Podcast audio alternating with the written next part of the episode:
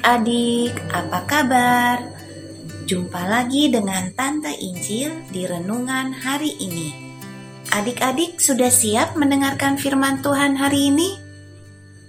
Pastinya dong ya, Tante Injil harap adik-adik senantiasa siap dan sukacita di dalam Tuhan Yesus. Sebelum kita mulai renungan hari ini, mari kita siapkan hati kita kita berdoa. Tuhan Yesus yang baik, saat ini kami mau mendengarkan dan merenungkan firman Tuhan. Sertai kami ya Tuhan. Haleluya. Amin. Mari adik-adik kita buka Alkitab kita. Firman Tuhan hari ini diambil dari 1 Yohanes 4 ayat 7 sampai 12. 1 Yohanes 4 ayat 7 sampai 12. Tante Injil yang akan baca ya. 1 Yohanes 4 ayat 7 sampai 12. Allah adalah kasih. Saudara-saudaraku yang kekasih, marilah kita saling mengasihi, sebab kasih itu berasal dari Allah, dan setiap orang yang mengasihi lahir dari Allah dan mengenal Allah. Barang siapa tidak mengasihi, ia tidak mengenal Allah, sebab Allah adalah kasih. Dalam hal inilah kasih Allah dinyatakan di tengah-tengah kita, yaitu bahwa Allah telah mengutus anaknya yang tunggal ke dalam dunia, supaya kita hidup olehnya.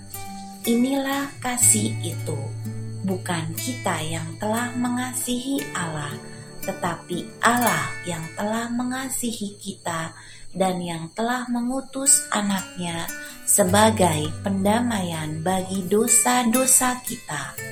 Saudara-saudaraku yang kekasih, jikalau Allah sedemikian mengasihi kita, maka haruslah kita juga saling mengasihi.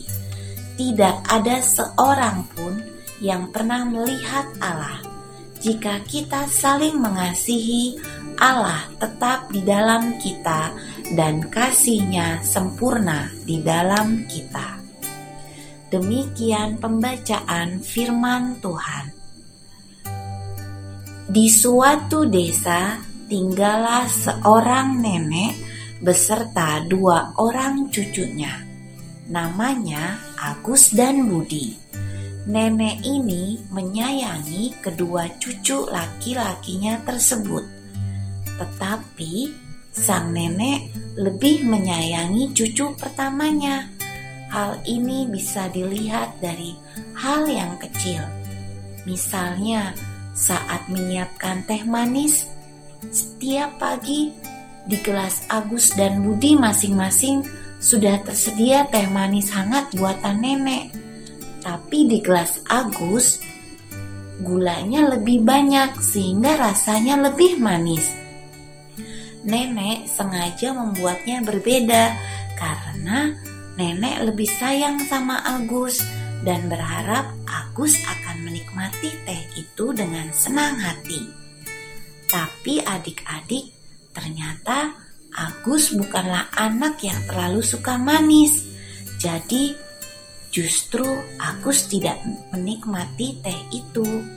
Budi, sang adik, adalah anak yang suka manis. Jadi, Budi juga tidak menikmati teh buatan nenek. Suatu ketika, mereka bertukar gelas, saling mencicipi, dan menganggap teh di gelas yang lain lebih nikmat. Mulai hari itu dan seterusnya, mereka bertukar teh dan sama-sama bisa menikmatinya. Adik-adik, dari cerita di atas kita mengetahui bahwa pilih kasih bukanlah sikap yang baik. Orang yang lebih dikasihi juga belum tentu akan merasa lebih baik seperti yang diharapkan orang yang pilih kasih kepadanya itu.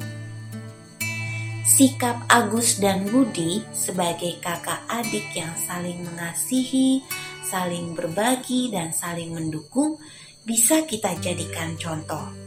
Mereka tidak marah kepada sang nenek atas perlakuan pilih kasihnya.